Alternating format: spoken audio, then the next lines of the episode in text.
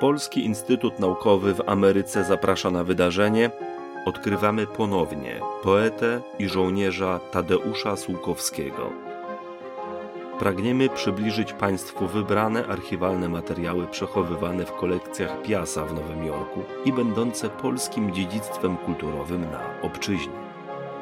Materiał powstał na potrzeby zadania opracowanie, digitalizacja i promocja zbiorów oraz działań Polskiego Instytutu Naukowego w Ameryce.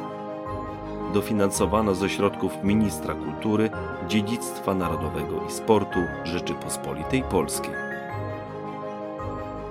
Czyta Aneta Kosno.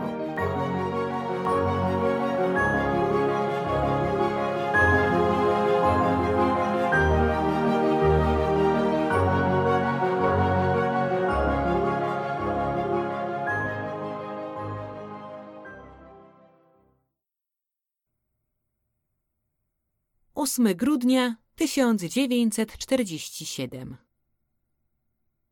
Droga i kochana pani, pięknie dziękuję i za list, i za wszystko w nim zawarte.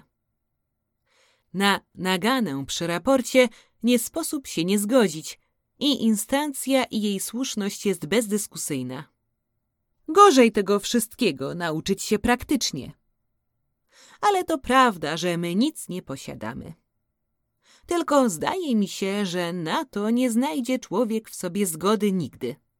Niezgoda na coś. To jedno mamy. Jak się nic nie ma, to trudno się tej niezgody wyzbyć, bo tylko ona została. To jest bardzo uczciwe bogactwo. Lepiej więcej o tym nie mówić. Serce można postawić na nogi, nie przejmując się jego doraźnymi nieporządkami, ale że trochę więcej niż pani to robi, trzeba o nie zadbać. To fakt. Żeby wydobrzało, trzeba mu pomóc. A pani pali i pali, sam wiem dobrze, jakie z tego wychodzą szkody. Nie wierzę, żeby nie pozwolili pani mieszkać w Londynie. Ale ten obóz, o którym pani wspomina, to chyba nasz.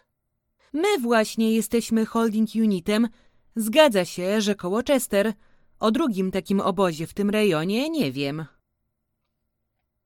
Niedawno zajechało do nas trochę pestek ze swoją przeorychą. Czekają na resztę. Narobiły bałaganu, zabierając dla siebie najlepsze mieszkania, stale im wszystko mało. Nasza komenda ma z nimi urwanie głowy. Uchowaj Panią Boże przed życiem obozowym. Ale wszystko wskazuje, że straszą Panią Kalwalejem. No, a ten dom dla pisarzy, czy on nie może być deską ratunku?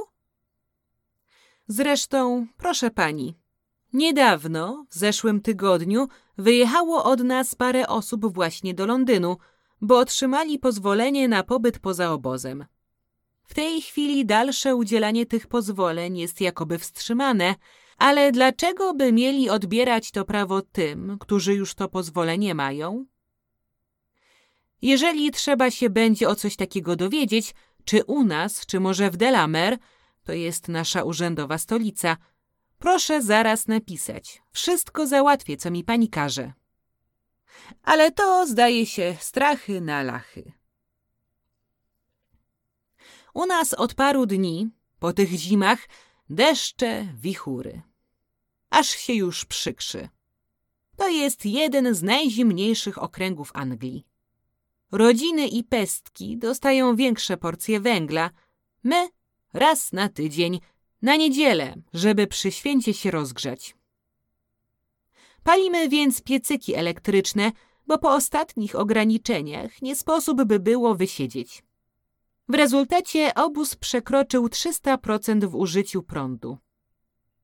I tak żal, i tak niedobrze. Grunt, że może niedługo znowu wpadnę do Londynu na parę dni. Najserdeczniej panią pozdrawiam, Tadeusz.